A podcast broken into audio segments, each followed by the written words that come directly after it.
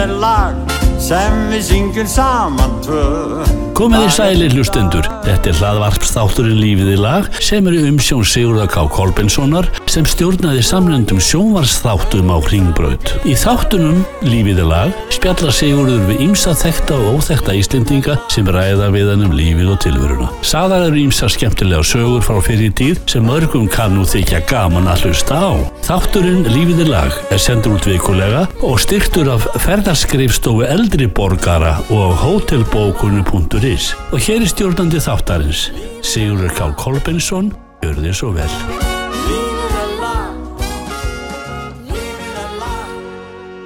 Já, komiði sæli hlustendur, hjá mér er statur Baldvin Jónsson sem ég ætla nú eiginlega að kynna fyrst sem fyrirhandi auðlíska stjóra á morgunblæðina þess að ég sá hann fyrst, konunga mannin fyrir einhverju 40 ára, Baldvin, blessaður. Velkomin í þáttindi mín Takk Hvernig hefur það?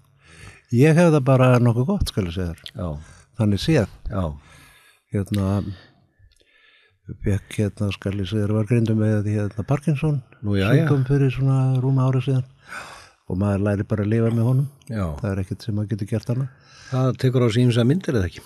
Jú, hann er, mér sýnist þetta að vera, sko, eftir því sem ég kynnt mér hann betur og hitt fleira fólk að þá er hann mjög einstaklingsbundin þessi sjúkdómur.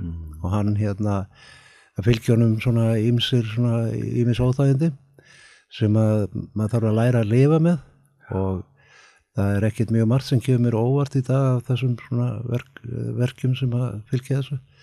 Það koma svona eitthvað kuldakost og slappleikakost og, og svo missa menn jafnvægi einhvern tíma og, og sumir, þetta er ára á röndina hjá sumum. Þetta er mjög fjölbreytt sko og ég laðist yfir það að- að kynna mér Michael J. Fox hérna fræga leikarann sem að fekk þetta á unga aldri hann er með mjög öfluga heimasíðu og starfsemi sem heitir Michael J. Fox uh, hérna síðan.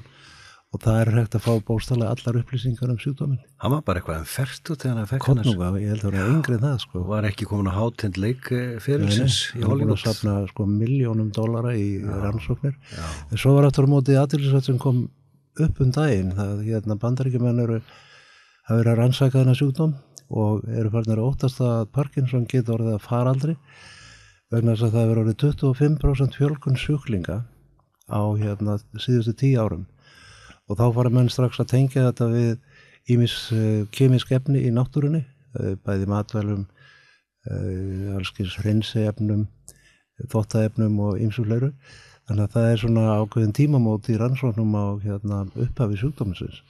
Og það er ótrúlega margir af minni kynslu sem ég þekki bara persónulega sem hafa, orðið, sem hafa fengið greiningu með sjúkdóminn og, eh, og hérna það er auðvitað maður er auðvitað veldur í fyrir sér sko hvert erum við komin í öllum kemískum efnum? Við erum bara að dæla inn allskyns á markaðin sem eru farin að hafa svona áhrif.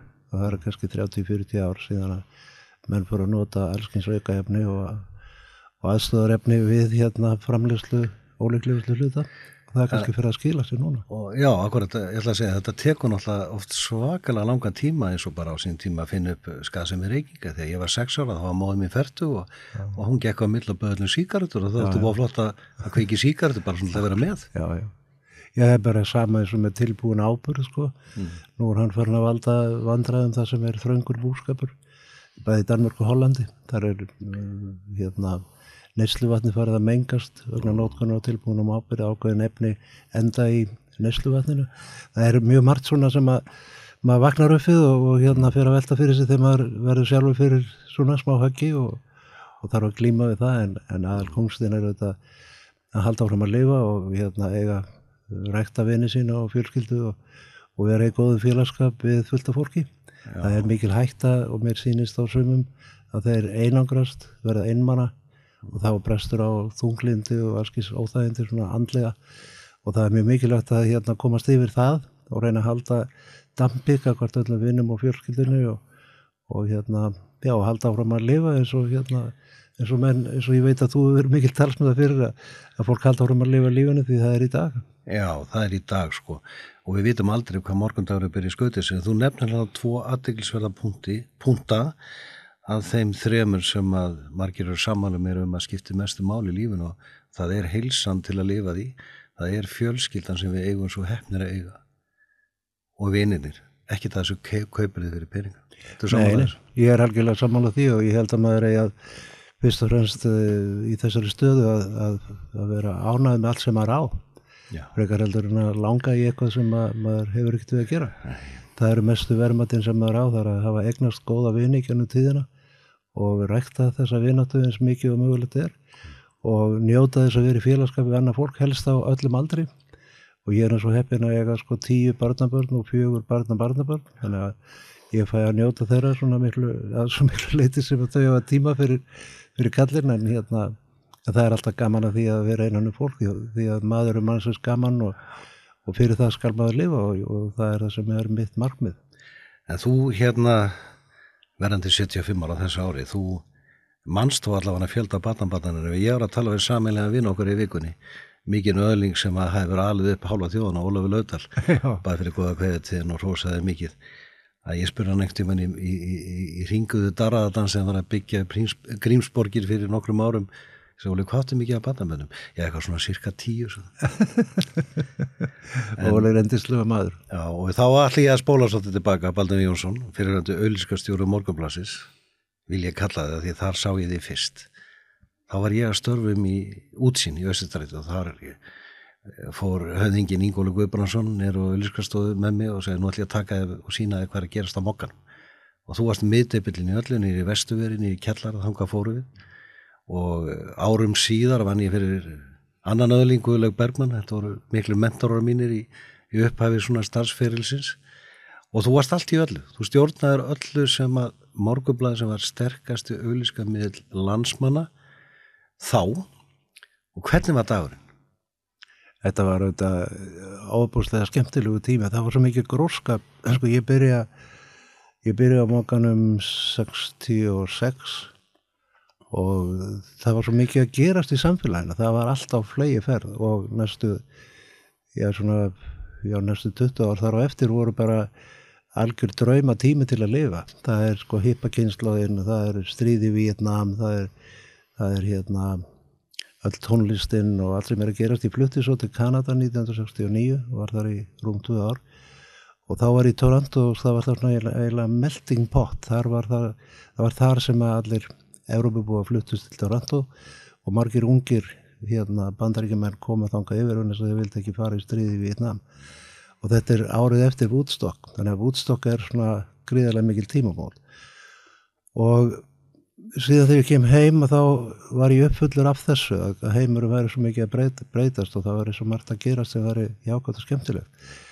En uh, ég var auðvitað engin miðbúntur þetta frekar en, en aðeins þetta var ábúrslega skemmtilegt teimi og ég var mjög heppir með starfsfólk og, og allir sem unnu hjá mér eða með mér á auðvisingadildinni það voru það voru bara ósalega flinki krakkar og alltaf mjög góð stemning og við vorum alltaf tilbúin til þess að, að mæta viðskiptavinnunum sem vini og þannig egnuðust við lang flesta og staðistu viðskiptavinnum blasins og egnuðust þá sem vini. Þegar voru fastagestir hjá okkur í heimsóknir á mokka og nú síðan deildi maður mörgum skemmtilegum stundum með þeim. Ingólu var nú svona sérstaklega merkilegu maður og stórkostlegur karakter. Ræðum maður sem hann? Já, hann er bara alveg ótrúlegt sko, fyrirbriða manni að hafa verið í þessum klassiska menningageira og verið að segja brautriðandi í hérna, ferðum fyrir Íslendinga til útlanda. Og hann hafði gríðarlegar metna, það var hann hérna, passaði på öll smáadriði sem var hann mjög mikilvægt. Hann var mjög erfiðuð viðskiptavinur og hérna svimir í öllisingatildinu voru búin að eina gesalapa gefast upp á hann því hann var alltaf ákveðin, ekki frekur heldur bara þétt ákveðin og ég tók hann eiginlega að mér og hérna upp úr því var bara mikil vinóta og allt gekk mjög vel á mill okkar. En að því hún nefni Gulla Bergman þá var hann svona akkurat fullkominn anstæða við Ingól rosalega döglegur, framsýtt hann auðvitað flytur hérna bílamenninguna til Íslands með Karnabæjarvörunum og Karnabæ Street og ég man alltaf þetta þegar hann kom heim með fyrstu sendinguna af, af vörum að þá vildi hann fá Herradel P.O. til að setja upp svona Karnabæjar búð í kjallaranum á P.O. í Östræti uh, kallarni voru ekkert með hrifnir af því þá fór hún í Fago og fekk Pétur Arason til þess að taka við þessum vörum og þar byrjuður að selja hérna Karnabæjar vörunar þanga til hann opnaði svo upp á tískuta 1 og Gulli var alveg rosalega skemmtilegur hérna, maður og hafði engan áhuga fyrir því að græða mikla peningana fyrst og fyrst áhuga fyrir því að, að lifa skemmtilegu lífi og var alltaf í fyrsta gýr sko og fór rætt yfir og átti marga veini og var alveg sérlega skemmtilegur og fólki fannst alltaf svo gaman að vinna í Gulla því að það var alltaf einna hópnum. Það var miklu algengara í stjórnun fyrirtækja á þessum árum mm. að þeir sem voru svo kallar yfirmenn að þeir voru alltaf hlut af hópnum og það var til dæmis ekki pyrrað okkur alltaf þegar maður þurfti að ringja í einhverja svo kallega yfir með sérstaklega ofnbæra stofnana. Þegar það var sagt hérna þegar þú ringdir og sagði sigur við? En fyrir hvernig það með leifi Já. og svo þetta maður fara að gera grein fyrir Já. því að hverju maður vildi tala við hann. Eh, ég held að bæði Gulli og Ingólfur og ég og margir fleiri sem voru í rekstur á þessum árum við vorum þakkláttu fyrir það að einhver skildi ringi í okkur og tókum við þetta alltaf síma hver sem átti hlut og það skiptir mjög miklu máli að vera ekki að loka sig af og hérna líta á sig sem einhvern merkilegri mann heldur en allir heldur, ja. heldur en heinir og þetta var rosalega skemmtilegu tími svo kemur þetta varnar bandalag inn í ofnbjörðu stofnunum sem lengdit aldrei vegalendina á milli tökja einstaklinga mm. sem eru manneskjur í hvaða stöðu sem það voru og hérna og þú nefnir þess að tvo það var auðvitað margir aðri sem voru hérna með ábyrjendir og Óli Laudal var náttúrulega gríðalegu frumkvöðlur Já, hann auðvitað náttúrulega allar ofnir, allar helgar og... Já, bara ábóðslega hérna framsýtn og uh, áhættu hann er mikla svona áhættu element í honum að búa til eitthvað og láta það gangu sem er sögðlega með þessum með Hollywood ég man alltaf þetta því að hann ringdi í mig aðfara nú þriðu það svona um 1.12 nóttina og segir hérna, sælunum höfðu, ég var að kaupa Cæsar, ég ætla að opna á 50 dagi nýjan veitingastað, getur ekki komið og hitt mig og ég sagði, jú, ég get komið og hitt þig, þá eru til þetta nafnana Hollywood. Þetta er 78 sko. Já, Já. Og, hérna, og allt verið í gang og hérna, og einhvern veginn, hérna, kaupir hann réttur hljómtakinn og réttar tímanum og málingin er all teppin í réttar litnum og, já, og allt saman vel gert sko. gólfið. Já ég meina mér að segja klakavílinn var keipt sérstaklega frá London og flutt, flutt til Ísland með flugi að því að skipti máli að í allum glöðsum var nægu klaki. Og svo kom maður sem var svona sérfræðingur í því að búa til hljóð hljómkerfi mm. og hérna amerikani sem kom hérna heim og hann saði þetta alltaf merkilegt að þessum tíma, hann saði að að svimistæðir hefðu bara eiginleika að vera bara byggðir þannig að hljómburðu væri bara góður. Og það var ekkit sko, það væri bara oftar en ekki tilvöljun svo fórum við með þessum náðanga til bandaríkjana og komist inn í stúdíu 54 og þá sá maður hvernig sko hljómburður og ljós og hiti hvernig það fungeraði í stúdíu 54 það sett, stóði upp í bóksun einu sinni og þá saði strákurinn vilt að ég sendi fólki á barinn og ég segi það verður gaman að sjá það þá setur hann hitan upp aðeins leiðinleiri músík, dempa ljósin og allir upp á barinn. og síðan sagði nú skal ég taka tilbaka og setja stuðmúsík á, ljósin í gang allir út á fullkomin aðgera stjórnum algjörlega og Já. þetta var svona þetta virkaði svona eins og þessi náengi saði það virkar á undir meðvitundina og svo fórum við Óli með honum líka til Bermuda eiginar og þar hafði verið opnað nýtt diskotek sem var eiginlega byggt aldrei í kringum John Lennon sem var þar síðustu ára æfina þegar hann samti síðustu blötuna og þá var búið til svona VIP box eins og var svo inn í Broadway. Og hérna og Óli var alltaf skrefin á undan í, í hugsun. Og það sem hann datsundum í hug var svo einhvern veginn fjarrimanni en hann sagði, jú, skulum gera þetta. Og svo var það gert. Ja. og svo hérna fekk ég tækiföru til að vinna með honum auglýsingandi. Við unnum nefnilega mjög mikið af auglýsingunum bara niður á mokka ég kipti svona efni frá bandaríkjónu svona tilbúið auðlýsingaefni og svo var verið að leika sem er texta og textagerð og þetta var ósalega svona fjörugu tími. Og við vorum vegilega vorum eins og auðlýsingarstofa þarna neyri auðlýsingadildin fluttum síðan prentara úr prentsmiðinu og neyður í auðlýsingadildin og gerði á hönnuðum.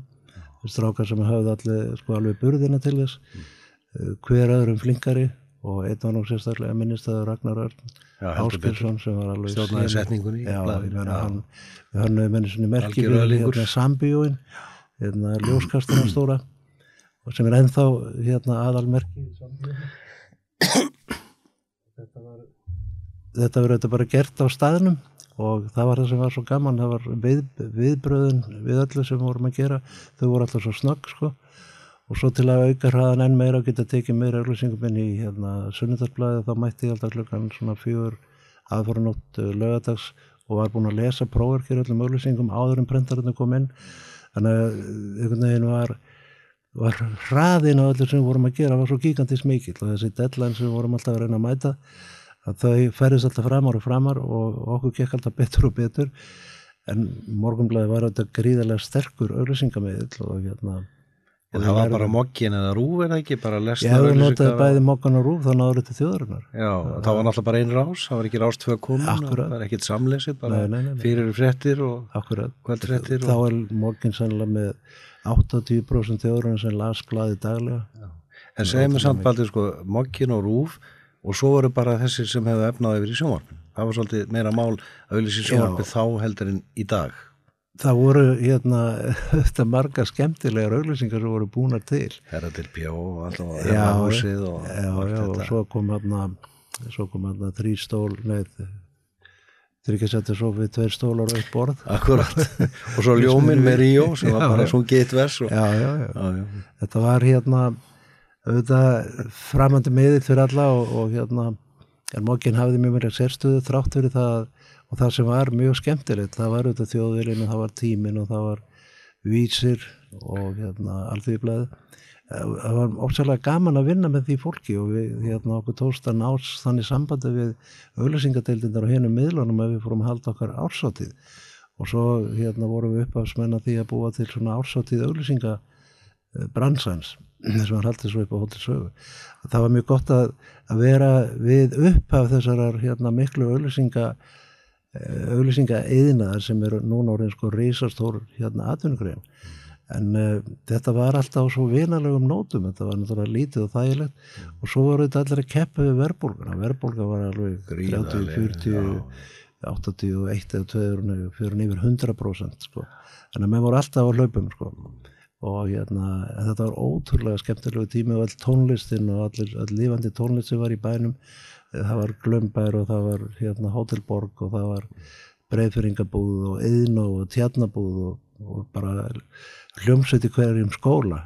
Og hérna og uh, það gerði svona næturlífið eða kvöldlífið skemmtilegt en því alltaf á virkundöfum klukkan eitt og svo um helgar klukkan þrjú. En, en það var alveg nóg okkur þótti það bara að vera alveg nóg. Og hérna auðvitað fór sá skemmtana þegar hann fór allir í gegnum morgunblæði alveg svo kvikmyndaði húsa auðlýsingarna voru alltaf í mokkanum þannig að við vorum eiginlega með fingurinn á púlsinum í öllu atvinnulífinu meir og minna á höfubróksvæðinu Nú það er í einu af mínu sjómanstáttum lífið lag þá rætti ég við gamlan góðan kollegaðin Árna Jörgensen, skemmtilegu maður með mér. Og, um, og það var náttúrulega svolítið hinn hluta mokkans, það er reitstjórnin og allt sem var skrifað í blæðið. Þetta er alveg aðskita deildir. Þú varst að vera búið til peningin til þess að geta gefið mokkan út, ekki satt. En hinn voru svo að skrifa eitthvað, eitthvað að vitið, þannig að fólk hefði áhuga að lesa það. Já, já. Hvernig voru samskiptin þetta á milli? sko kynna okkar átna byrjuði þannig að hérna, við reyfumst um eitthvað sem við munum hvori eitthvað var sem var til þess að við tölumst ekki, tölumst ekki við í held í 6 eða 7 mánuð en við mann eftir í hversun þetta var þannig var svona spennan oft á milli auðlýsingadeildar og riðstjóðnar en svo náðum við miklu betur saman þannig að riðstjóðni tók mjög mikið tillit til auðlýsingadeildarinnar og öfugt og ég var oft, eða mér fannst ég stundu vera sko, ég vil íhaldsamar heldur en riðstjórnir. Ég var til mér alveg á móti því að taka erlenda fréttir af fórsviði blasins.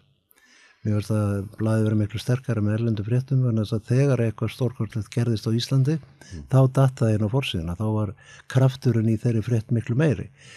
Og ég var til dæmis, uh, stundum fannst mér auglýsingar mætti ekki fara inn í meðan texta, ég vil mér aldrei þóla það að hérna morgunblæð væri klætt inn í blað frá einhverju fyrirtæk út í bæ ég var svona aldrei íhaldsamur í þessu Eða það límiði framann á fórsíðinu nú til til dæmis dags? sko, já, sem er sem að sko, veist, ég líti á fjölmiðu þannig að fjölmiðlinn ef hann er mjög sterkur og nýtur mikið tröst með að lesenda, þá virka auglýsingarnar miklu betur. Þannig ég er enda að horfa á það frá þeim sjónarhól og eftir því sem blaðið var öflugur og betra og, hérna lítið svona í hisminu, væri aðalega í kjarnanum, það skipti auglýsendan máli. Þannig ég barðist oft fyrir því að, er svona allskins hluti sem menn voru að velta fyrir sér sérstaklega auðlustendur að fá að vera inn í miðjum texta eða fá að vera á fórsíðun eða fá að vera einhverstaðar. Eina sem að við brutum það var svona uh, daldið svona stórt skref ef við hliftum auðlusingum inn á blaðsöðu þrjú og hérna samstundis var hún feikilega vinsal og við hækkum við verðið á henni en hún var samt alltaf vinsal en að hún einhvern veginn voru auðlusingur á blaðsöðu þrjú það hittu bara alla landsmenn og hérna þannig að það var alltaf mikið samkeppnum hana. Þarna voru Óli Löfdal og þarna voru Gulli og þarna voru Já, og aðalega hérna ferðarskristöðunar sem voru að bítast um þetta og bílaumbúðan ofta tíðum. okay. Ég man eftir sérstaklega bílum sem að Brimborg fluttin héttu Daihatsu. Þið seldi henni svona 350 bíla út á einu auðlusinga sem var lítill nettur og fallegu bíl og sangirnu verði. En það var svona dæmum það hvað þessi hérna, auðlusing virkaði vel. Þetta voru auðlusingarna dýrar en hérna og það voru dýrar auðvitað í mokkanum heldur en öðrum fjölmjölum en það er virkuð það var 100% virkni þannig að það, það var alltaf sangjart verð ef maður fær tilbaka það sem maður fjárfustur í. Og ég gernum tengslín við marga þessum viðskiptafinnum eins og títnefndan Óla Löfdal þá varst þú einhvern veginn að stjórna fegurarsankettum í Íslands eða ekki og eitthvað sem Óli hefði með að gera hluta til og, og upp, uppalega hvað Guðin í sunnu minni mig, ég mann þetta ekki alveg hvernig það var. Nei, þetta var þannig að hérna, var, ég var alltaf tengdur eitthvað svona skemmtarnum bransanum að þeim við þóttan skemmtilegur. Og hérna Einar heitin Jónsson sem var uh, útubúrstjóri í hérna, Sparisjóður Reykjavíkur og nágrunins upp á skólafrastík ég þekkti mannin ekki neitt en hann ringdi í mig og baði mig að koma að hitta sig og ég gerði það. Þá sagði mig það að hann verið orðið veikur og þetta að bara yfirgefa þessar fegurasankjörnir sem hann hefði umbóð fyrir og hvort að ég verið tilbúin til að taka við á honum. Ég var ekkert mjög spenntu fyrir því að ég var eiginlega að draga mig svona alltaf í hlýja. Hefur sambandi Óla og Óli segi jú bara endilega að drifi þessu og svo ég fór til London, hitti Borki frá Miss World, fór til Fraklands, hitti hérna fórustumann Miss Europe og hérna talaði segja við Miss Universe og hann hafði mælt með því sem ég tæki við á honum og við heldum keppnina ég, ég hef gert ótrúlega mistök á því að yfirtöka keppnina en þess að við heldum þetta á tveimur tvö kvöld, tvö förstaskvöld með viku millibili. Fyrir ákvöldinu kom held í 80 manns og setna ákvöldinu 120 manns það var algjört flopp sko. Og eiginlega engin stemning fyrir fegur þess að kemna í Íslandi og, og hérna mikið Hvað árið þetta baldi? Þetta er sennilega 83 og þetta baráttan er á bullandu upplið og, Já, já, mótmæli fyrir þetta hóttir Já, og tala um að þessu vera niðurlæga stúlkutnar og allt í þessum dúr. Já. Þannig að ég hefði samband við fóreldrastelpana og, og fekk uh, vissum það að það væri allir í fjölskyldinu væri sammálu um að gera þetta. Og ég ekkert nefnir hétt sjálfur með því að ég var ekki hægt að hætta þessu fyrir að vera næðum því að vera heimsmeistarar í fegur en þess að við getum keft á ymsum sviðum bæði íþróttum og, og spilamennsku og skák en getum við ekki keft bara í fegur? Væri það ekki bara markmið? Setti mig alveg inn í svona þennan hugsunarhátt og sá það að Miss World var eitthvað spennandi vettvangur fyrir íslenskar stúlkur. Fór og hitti þau hjónin sem að ráka keppna Erik og Julia Morley. Og hérna láta aldrei yfir því 83-4 og síðan 85 þá fyrir Hófi út og verður heimsmyndstar í fegur og síðan hérna árið þar á ettir þá hérna var svona meiri ró yfir þessu og svo kemur aftur 88 og þá kemur Linda og hún vinnur. En þetta var ótrúlega mikill árangur á skömmun tíma en stelpunum voru líka brilljant, það stóðu sér frábærlega vel. Svakaleg landkynning. Já, þetta snýrið svo mikið um það að vinna heimavinnuna. Ég satt oft í hérna ég, var, ég vann sko hálft árið hjá Miss World, ég fór sem sagt alltaf út um helgar þá fór verið út á 50 dögum með Lundónuvílinni 15 skvöldum og kom heim á mándum og ég var alltaf að lesa kvennablöð, ég var hérna áskrifenda Cosmopolitan og Vogue og öllum þessum kvennablöðum og reynda að setja mig inn í þetta svo kallega trend, það er svona mísjöf trend í þessum fegurarsangjunum stundum virka mjög svona kynþokkafullar konur og stundum virka konur sem eru meira svona batnabýr og svona, svona læri, læri, hvað maður að segja, profil og þetta er bara svona trend sem gengur svona upp og neður stundum var Twiggy ofsalega flott sko og stundum var hérna Sofía Loren ofsalega flott en það eru náttúrulega eins og hólíkar eins og hægt er að vera eins og olí og vatn. Þetta er soliðis og hérna mér leist best á Miss World að því leiti að þetta var fjölskylda sem átti þessa keppni og Erik Morley heitinn hann hérna var með sjónvarsætti sem hétti Com Dancing sem núna er hérna Dances with Stars sem er sá sjónvarsætti sem er staðið lengst af í sjónvarpi í heiminum. Og þetta var reyndislega fjölskyld og mjög gaman að vinna með þeim og ég fekk tækifæri sagt til þess að fylgja hófi, eiginlega hver sem hún fór og svo aðeins minna með Lindu sem var tveimur ára setna, eða þreimur ára setna og þá var maður inn í þessum fótboltaheimi líka því að ég var hérna í mistarhólusráði hjá Val og Valur var að spila við Aston Villa. Aston Villa var að spila sem fyrsta leik í Europakefni, Valur var að spila 17. leikin og þar mynduðs mjög sterk sambönd við fótballtabransan svo ég báðið uh, til dæmis kom hérna frangatastjóri Aston Villa hinga heim og hann var auðvitað í skemmtarnabransanum þegar þeir eru auðvitað að leiða út Villapark fyrir skemmtarnir og þetta er svona og Hensson með þér í þessu og... já, Hensson er því samningi við Aston Villa með leiki í, í búningum frá honum. Peter Stringfellow sem átti hérna staðistæðar nætuklub í Evrópu hann var mikið vinnur okkar. Já, hann kom hérna reglulega um helgar til að skemmta sér því það var engin friði fyrir hann að skemmta sér í London því fjölmjölunum voru alltaf hann var á Broadway. Já, hann var bæði þar og hérna svo fórum við oft í svona sveitaferðir og, og svona partí og svo skemmt okkur. Og hann átti fyrst svona af fínustuðanum og svo keft hann hérna Talk of the Town sem var síðan Hippodrome 2000 manna staður. Og bauði okkur ofta að hafa svona Íslandskvöld þar sem við gerðum og ég manna Björgun Halldórsson og Ljómsveit spiluði að henni og Latti skemmti og það var alltaf gaman að vera með svona íslenskan húmórin í svona heimsklassa veitingastæði Latti að skemmta í London. Já, sem var þetta alveg rosalega skemmtilegt sko. það sama var með sko Studio 54 við náðum einhvern veginn í sambandi við Steve Rubell og hafðum alltaf aðgang að staðinu þráttur í stóra byðræðir og ég veit ekki alveg hvernig við náðum sambandi við Steve Rubell nema hann valdi okkur Óláfur Hópi sem stóðum hann að vera utan, fór með okkur hans innfyrir og síndi okkur fram á það að hann var ekki kokainisti, það var ekki eitthulegu neytandi sem allir voru alltaf að tala um að það væri. Og, og ekki einhverju pimpar. Ha, og ekki einhverju pimpar. Þetta var svona þetta var svona hérna, skemmtilegur heimur að kynnast skilur svona innanfrá. Og það var vegna, ekki síst vegna þess að stelpunar sem voru náttúrulega ungru heimur var allstaðar góð, góðfús og gerstu hvað sem hún kom og hvað sem hún fór Já. og þegar við flugum við hófi um Evrópu þá var alltaf uh, alltaf flóið á fyrsta klassa, alltaf í dýrustu svítunum í öllum hótelum alltaf limúsína þetta allt saman Já, þetta var rosa skemmtilegu tími já, já. og hérna hófi og Linda stóðu sig þetta báðar tvær frábælega vel og Hófi hafði alltaf áhuga fyrir því að vinna á leikskóla sem hún gerði og hefur verið að brillera þar í sínu starfi. Og Linda er auðvitað mjög sjálfstæði því sem hún hefur verið að gera.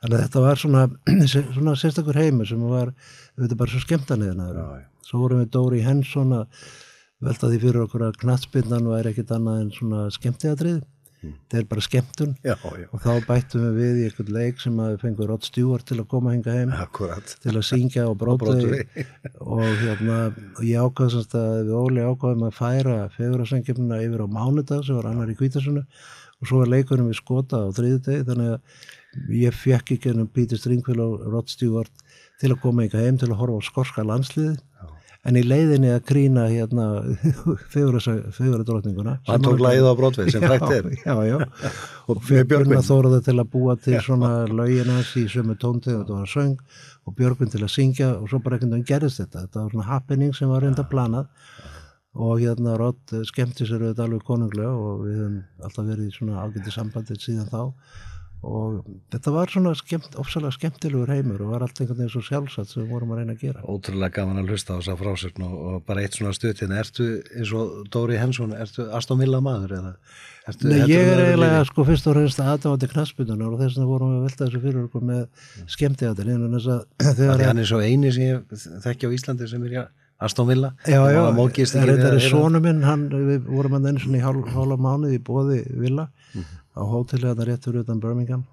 Og þá var svona minn eh, svo yngsti kottnungur og hann var algjör vilja aðdáðandi en það sem við vorum að reyna að gera var það að að á landsleifnum við skota þannig að kom Rod Stewart og við vorum að reyna að slá þetta vallarnætt sem við hafðum sett þarna þegar Valur spila við Benfica og gerðum allt, við vorum með bílasýningu bílandi kerðu hérna ringi hérna á, á hérna hlaupabröðinni við höfum hérna flugvél sem flög yfir og þar komu fallífa stökkvara stökkvandi niður með fána begja þjóða og einn með boltan og lent á meðjunni eh, það var mikið músik feguradrótningarna frá kvöldinu áður.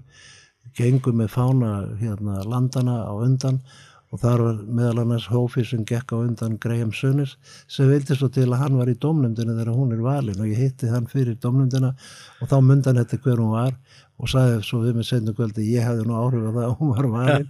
Þetta var, þetta var bara svona pínulítil heimur eins og bara svona lítið hljóðverð sem að menn nýttast og skemmta sér.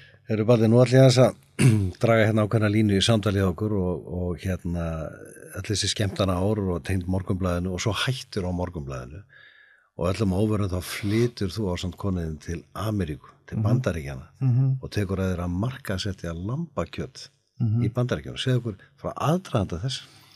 Sko aðdraðandi var einhvern veginn sá að mér fannst morgunblæði vera komið að hérna á ákveðin stað og Hvað ári er þetta fyrir ekki? þetta er cirka 1988 til 90 og þá eh, hérna áttu bankar, þrýr bankar að saminast Útisbanki, Landsbanki og Vestlunbanki og það er sem sagt búið að ganga út frá því og þá býður, býður hérna Vestlunbankin morgunblæðinu að ég veit ekki skuldir stöðar 2 sem sagt að kaupa stöðar 2 Ekki það.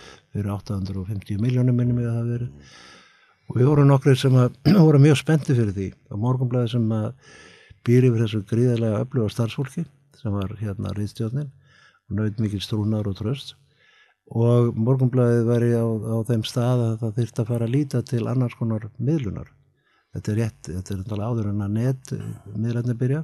En það er samt svona farið að Netið er bara að fara að banka dittnar. Já, er aðeins verið að bankatinnar og ljósakamiðlanir hafa ákveðina mögulegu tækifæri.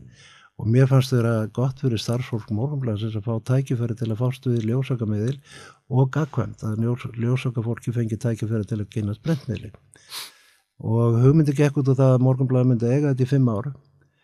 Og eftir fimm ár þegar að vera búið að þjálfa og kynnast því hvernig svona fjölmjölar geta fungera og fungera saman og setja ykkur í lagi að þá ætti morgunblæðið að selja stöða tvö pakkan með sjónvarpi og útvarpi og breyta þessu í almennislutafélag þannig að þú myndir, félagi myndir skipta út myndliklunum kemur nýju myndliklar og fólk er búið að leia myndliklana og kaupa hlutabrif í stöðunni og þetta er gert í hérna á 3-4 árum þannig að á 3-4 árum myndi almenningur í landinu eignast öfluga ljósakamiðil sem verið til þess að ríki geti þá rekið eina sjónvarstöð og eina útastöð ánaflýsinga og þessi miðill er því sko hinn sterki miðill í, al, í almann eigu.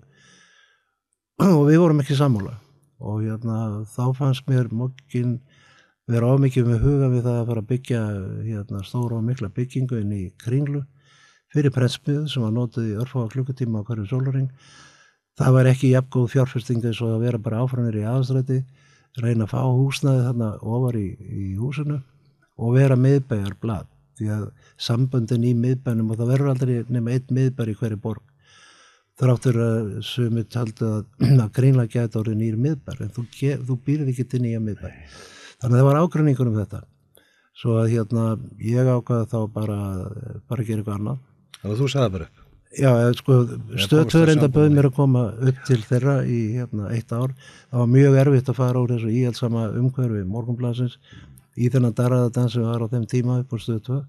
Þannig ég fekk mjög takmarkaða næring á því að vera þar þá- þráttur að vera gaman að hitta þetta fólk og tókst að koma svona ákveðni reglu á auðlýsingadeildina og kefti síðan aðalstöðuna á Óla, vinni mínum og reynda að reka hana Út, út af stöðuna, já. Já, eitt, eitt, ár. Það var ábúslega erfiður bransi, það var, það var mikið spennað í samfélaginu og það var mikið nýðusöfla. En ég hef alltaf haft áhuga, sérstaklega eftir að hafa ferðað svona mikið með hérna fegurðardrottningunum að Ísland stæði fyrir eitthvað sem væri svona öðruvísi heldur en allir aðri. Við erum öðruvísi þjóð, við erum bara lítið, hérna, uh, lítið samfélag, búum hérna norðhjara veraldar og höfum ábúslega mikla sérstöðu og hefðum átt að taka það í fangið að vera svona fyrsta sjálfbæra landið.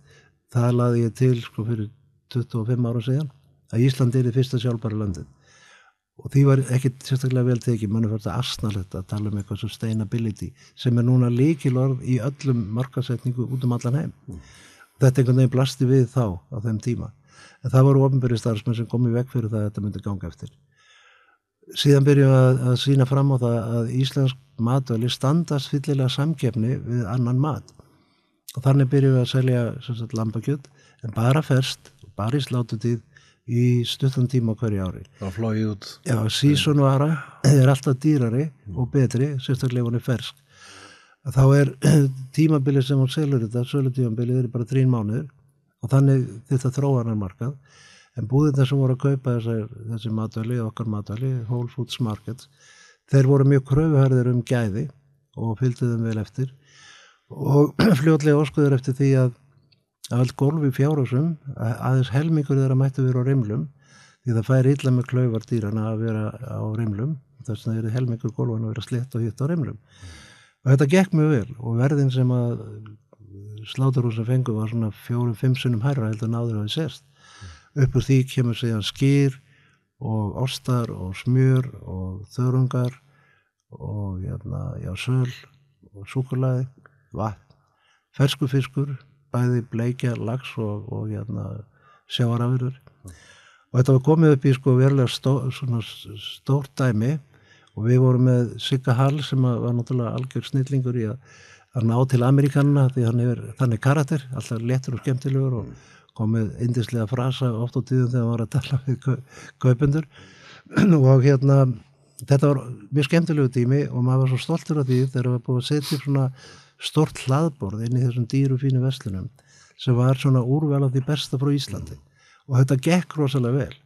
Svo þegar skýri kemur inn að þá hérna lendi ég mikill í anstöðu við fólk í landbúnaðaráðanendinu og í mjölkurinaðinum sem sagði að veri útilöka að selja skýr til útlanda, það var bara ekki hægt, það veri reyndaður að veri útilöka.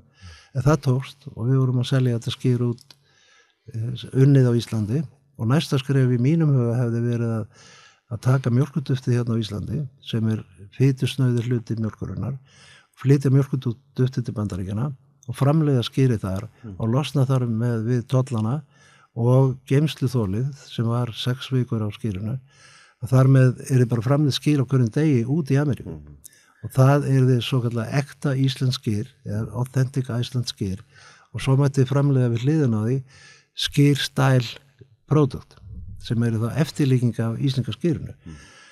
og ég lendi náttúrulega í rosalegum deilum við hérna mjölkurinaðin á þeim tíma og saði að þetta væri með þessu móti að framlega svona mikið að þá hérna væri þetta framlega sko endarist mjölk á Íslandi. Við vorum bara í 180 búðum en búðinu voru 500 þannig við áttum allt hitt eftir. Mm.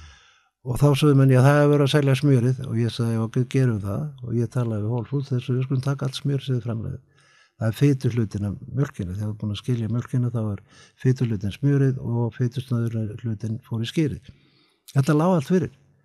Síðan gerir mjölkursamsalan samkómulega við bandarinska aðila þeir fara að framleiða sveipaði svo Siggi gerði með Siggaskýr sem var bara mjög sniðut í honum.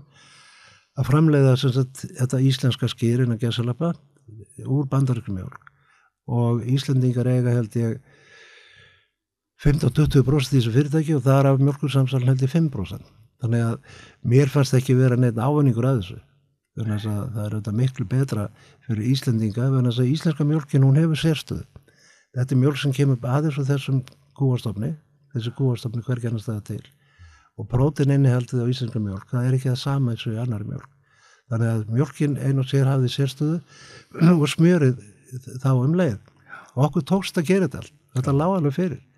Og hérna og alveg saman svo með sko bleikjun og lagsin að bleikjan sem að samir í framleiti hérna í Vassleysu var hérna kom úr landeldi og það verið stöður að þéttari fiskurinn sem kemur úr landeldi drungu í eldi sjó. Og það gekk rosalega vel við byrjuðum með 300 búðum sama degi og það var mjög gaman að vinna með samir í mönnu því þeir voru þetta markast þengjandi mm. það er og landbúnaður sé ekki nægilega markast þengjandi mm. til að fylgja eftir svona tækifærum mm. við gerum þetta líka í Danmarku tókum nákvæmlega amerísku formúluna og fluttum hann til Danmarkur með brúksen, súbibrúksen og erma og það virkaði nákvæmlega eins að því að hérna neytendur sem eru vel meðvitaður um gæði matvæla eins og þú þekkir nú bæðið með brúksan og súperbrúksan og Irma þetta eru algjör og gæðabúðir. Gera mikla kröfu til framlegenda þanga fórum við inn með frábærum árangri og svo spyr maður býtu, okkur er ekki haldið áfram? Jú, þannig að framlegendar í Íslandi tölta að veri miklu betra að selja marinera kjöt til Danmörkur áriðum kring. Mm. þá saði köpmaður hjá súperbrúksan í Guðspannum ekki gera það því að í hugum Dana er marinera kjöt komið á síðasta söludag og þú fari ekkert verð fyrir það miklu næri að halda sig bara við þryggja mánu tímabili. Þetta er spurningur um að þekkja markan og þekkja aðstöð. Það er bara svo í Danmark og þú ringir ekki í, einhvern vinn á lögut eða er þið til að koma í dinnir í kvöld. Það það að hinn er komist ekki. Akkurát. Það verður sér hérna. Við, okkur, við vöknum upp á lögutarsmotni og okkur langar í partí í kvöld. Og... En Baldvin Jónsson, e, þetta er bara þetta var mjög skemmtilegu tími því að þetta síndi það sem að ég hafi predikað hérna allan tíman og nokkur aðri vini mínir sem að voru samfærum það að Ísland stendur fyrir eitthvað sem er sérstatt og við ættum að vera núna að huga því að fara algjörlega í lífræna ræktuna svo miklu leiti sem við mögulega getum. Við hefum hérna allt efni í það sem, sem að tilþarf og við þurfum ekki að nota jafn mikið að beitilandi eins og við þurft að nota ekki ennum tíðina.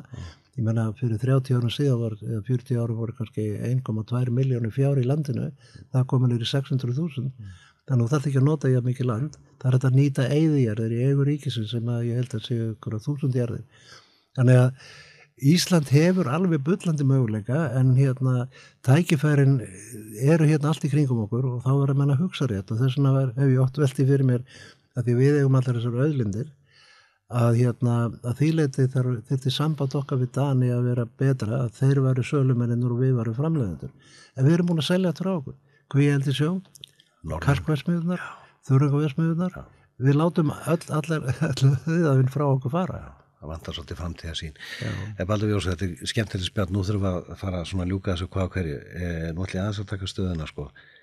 þetta þessi skemmtilega að, að þínum starfsferli í gegnum ára tíi þetta er allt liðin tími og þeir sem eru að hlusta á svona þá þeir þekkja þig og mun eftir þessu og, en yngra fólki veit eitt hver vart en e, hvað segir þau núna? Hvernig sér þau framtíðina, þú ert að vera 75 ára, við erum svolítið að huga hagsmunum þeirra sem að og ég horfa á þig og, og, og þú til hóknum eldri borgari út á hann 67 fyrir nokkrum árum þú virkar ekki tannig á mig en, við erum að fara að valega með þetta heiti en þú tengar síður hættur að vinna. Og, og hvernig sér þau svona næstu árin hérna á landinu, hvernig finnst þér aðstæð fyrir þá sem eru hættir að vinna og vera tækifæri og... Ég held að sko ég held að sé of mikið spenna á milli ríkisvaldsins annars vegar og eldri borgar hins vegar. Við tölum gerðan um lífsgæði og lífsgæði eru þetta það sem að við hefum að hugsa fyrst og fremst um. Og það eru til dæmis svona, svo, svona sálrænir sjúkdómar geta sótt alltaf mikið á fólk og þess að fólk verður alltaf, getur alltaf einmanna ef það ekki sinnir þessu. Ég held að það sé alveg, alveg leikilatrið ég held líka að hérna stopnar er eins og tryggingastofnun og stopnar er svona eh, því tægi að þær séu eiginlega batsins tíma auðvitað á hérna landsbankin sem er í eigu ríkisins að yfirtaka tryggingastofnun og það er á að vera þjónusta við eldri borgara og leiðbenningar um það hvenar á að taka hérna eftirlaunin. Svo er algjör miskilningur á milli þeirra sem eru núna fást við, við tryggingamálin að þegar að mín kynsluð fjög tilkynningu um það að nú ætti að búa til lífriðsjóskerfi og mér var sagt af Seifúrsi Jónssoni sem var þá frangandstjórum okkar að Bjarni Benediktsson sem var þá fórstur ára hann hefði ringt í vinnuvendur og sagt þið verðið að semja við verkeflegin um lífriðsjóði og þa þannig fyrir það í gegn. Og minn fórstjórun er á Mokka hann kallaði í okkur nokkra og sagði að nú mun ég borga 6% af laununum ykkar í lífriðsjóð og þið borgið 4% og svo snýra sér að mér og sagði hérna þú veist ekkert hvað, þú tala um núna en þú mynd njóta þess hérna á, á efri árum því þetta verður bara til að bæta lífsgæðin þegar að því kemur. Og þetta voru skilabóðin það var þess að eftirlaunin frá ríkinu þeir eru eftirlaun en ekki lífyrir lífyrir sögðunni koma að segja með lífyrir sem er, í, sem er viðbótu eftirlaunin. Og þarna er miskilningur á einhverjum tímapunkti þá breytist, breytast eftirlaunin í lífyrirslaun sem þau eru ekki og ég fullir það að þau eru það ekki. Þannig voru ekki skilabóðin sem ég fekk Nei. og síðan koma skerðingar endalösa skerðingar. Ég hlustaði til dæmis á hérna á uh, fórseta bandalagsísika listimann í morgun sem var að deila við ásmundu við nokkuð Freiriksson um hérna heiðuslaun listamanna. Listamenn sem fá 490 skrónur á mánuði þeir, þeir eru í heiðusflokki listamanna svona smá viðkynningar til að yfirloka. Já, og af því að tekið sko hérna skattur og síðan skerðingar ef þú komin yfir 70. Þannig að þeir fá 490.000 fram að 70, fá 20% felt niður eftir 70 og síðan fá þeir skerðingar. Þannig í raun og veru fá heiðurslistamennindur okkar fá ekki neitt. Uh, eldri borgari sem fjárfestir í hlutafélagi eins og bara ég þekki til dæmi um eldri borgara sem kefti hlutabrif í Íslandsbanka fyrir eina miljón mm. Seldi það nokkrum vikum setna og grætti á því 480.000 minnum hafa verið mm. og síðan þarf hann borga 22% í hérna, fjármástíkjurskatt og síðan er færið skerðingar á móti þannig að fær ekki neitt ekki neitt. En eldri borgarna sem hefur áhuga fyrir að taka þátt í hérna, samfélaginu og vera þáttakandi í hlutabrjöfum og reyna að stiði við hlutafélagin um leið og hann sér smá hagnaða voni í því að það er allt ekki af hann. Ekki af hann mannarsvegar með hérna, sköttunum og hins vegar með skerðingunni. Þess að skerðingin er í raun og vera ekkit annað en skattur.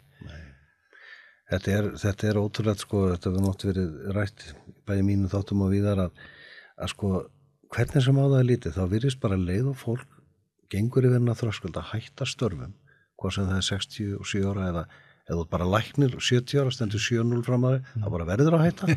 Það er allar reynslun og þekkinguna sem hverfur hérna úr samfélaginu. Og, og þá er það bara stendur fram að því að þú er bara eldurborgar og þú getur ekki haft það gott lengur. Mm -hmm. þetta er ímynd okkar sem er ekki orðin eldur ja, mér, sko, mér finnst að þú spyrir mér finnst ég ekki verið sko orðin gammal maður, mér bara finnst það ekki. Eða bara anda og, og hérna, og mér finnst bara ópsalega gaman að lifa og ég hef mjög mikið áhuga fyrir þessari lífrænur rektun og er að reyna að hjálpa til í því eins og ég mögulega geta, bara ég hef brennandi áhuga fyrir því. En tækifærin sem að eldriborgar hafa eru alltaf lítil og ég heyrði um einhvern daginn í hérna, þáttunum klán að þar var hérna annar félagana að búa til hlaðvarp og hlaðvarpi gekk út og það, hann sagði ég er búin að kynna mér það að fæðingum í heiminum þeim hefur ekki fjölkað en samt fjölkar íbúum í heiminum það verður þess að eldri borgarar þeir eru að fjölka sig. Og, hérna, og það er, er starrið fjölskyldur eru ekki eiga jafnmörgböndum en samt fjölkar og þetta þýðir að þessi hópur fólks sem er enþá á góðum aldri og hefur enþá getuna og tækifærin. Þegar það er að sækja vinnu þá er að sækja vinnu kannski fyrst og næst fyrir félagskapin og láta gott að sér leiða. Það er ekki endilega að sækja þetta einhverju nýju launum en það er hérna, eftirlaunir skert hvort þið er. Já. þannig að það er ekki sko, það er ekki það sem fólk er að sækjast eftir. En ég held að þetta munir leysast og ég held að það séu svona 10-15 ári það að lífeyrisöðunni geta hreinlega tekið við og greitt saman hérna, sæmilegt en ég sá hérna þátt á 60 minutes um daginn og var að velta því hérna fyrir mér með nokkrum mannum í höst ef að fjárfæstu myndu fjárfæstu íbúðum sem eldri borgari býri í við skulum segja bara 80 miljónar íbúð sem að við komandi á kannski 50 miljónar í. Ef að fjárfæstu kaupir þessi íbúð 80 miljónar og leifir þessu fólki að búa áfram í því húsi sem það á til æviloka það er svona leigusamlingur upp á kannski 8 til 10 eða 12 ár að þá er fjárfæstingin í svona íbúð sem eru á svona þokkalega góðum stað og fallið íbúð og ekkert allt og stór er miklu betri fjárfyrsting heldur en hérna einlandsvextir eru í bankakerun í dag mm. ef við segjum bara að íbúð verður hækki um 57% ári og leigan sé einhverstar á bylunni 250-300.000 á mánuði þá voru menna náfram ávörstunum på 10-12% þegar einlandsvextir eru um 1% Já. þannig að þetta er hörku fín fjárfyrsting fyrir fjárfyrstan og þetta er ofsalega fínt fyrir eldri borgaran mm. sem getur losað um fyrir því hann er ekki á leiðinni með sko í líkvöldum með vasa. Hann ætla bara að nýta peningana sem hann á íbúðinu Þetta er bóðskap okkar Helga í góðu, hann er búin að vera að tala um þessi mál, losaði við húsnaðu njóttu peningana Já, ég meina, svo liggjum við með 8-900.000 miljardar inn í lífyrirsjóðan og ákveður kaupa þeir ekki því íbúðunar af fólkinu? Nákvæmlega. og leta þennar róður þó ekki væri nefnir til 15 ára. já, já. Skilju, þetta verður eitt tækifæri ja. og þá myndur fólkinu líða betur mm. og það verður miklu fúsara til þess að taka þátt í hverskinn sjálfbóðulega starfi og vera svona aktíft í lífinu. Það er mjög auðvelt að gera það og þú lítur að segja það í þínu starfi sem farastjóri með eldriborgurum að það fullta kraft í þessu fólki og það þarf að, að hleypa þessum hleypa þessum fólki að stað. Fá að njóta lífsins, það sem eftir er. Akkurat, að lifa lífinu lífandi. Já, Baldin Jónsson En áttu kallaði fyrir hann dölugsastjóri um kannt ekki svona í lokin eitthvað skemmtilegt að segja okkur frá svona alveg sem voru upplegað nýlega Ég hef nú svo sem alltaf haft ósalega gaman að lífinu og gaman að bröndurum og fimmara bröndurum og öllu því. Ég heyrði eitt góðan um daginn að því við erum að tala um þessa kynslu sem meðal annars er að fá Parkinson og, og Alzheimer. Að það var formaður Parkinson, nei hérna Alzheimer samtakan einhver tíman sem var að ljúka starfi sem formaður og hann sagði við gesti á aðalfundunum kæru vinir, það er þó þrennt sem að hérna, þessi sjúkdómi getur veitt okkur. Það er til dæmis það að maður heyrir alltaf nýjan brandar á hverjum degi. Öðrulegi þá hittir maður alltaf nýtt fólk á hverjum degi og í þriðarlega heyrir maður alltaf nýjan brandar á hverjum degi. Baldur Jónsson, þú ert óborganlegur. Takk hella fyrir komuna í hlaðvarpið lífiði lag. Gangið sem best og heilsist þér sem best. Takk Takk að er leiðis og takk að þér fyrir hérna þitt framlag til eldriborgara. Já, hlustendur góðir, þættinu líkur hér í dag og ég þakka okkur fyrir samfélgina. Þetta er hlaðvarpstátturinn lífiði lag og ég heiti Sigurður K. Kolbensson og ég verð hér vikulega með samtölu við bæði þekta og óþekta Íslendinga en höfum í huga að lífið er ferðalag.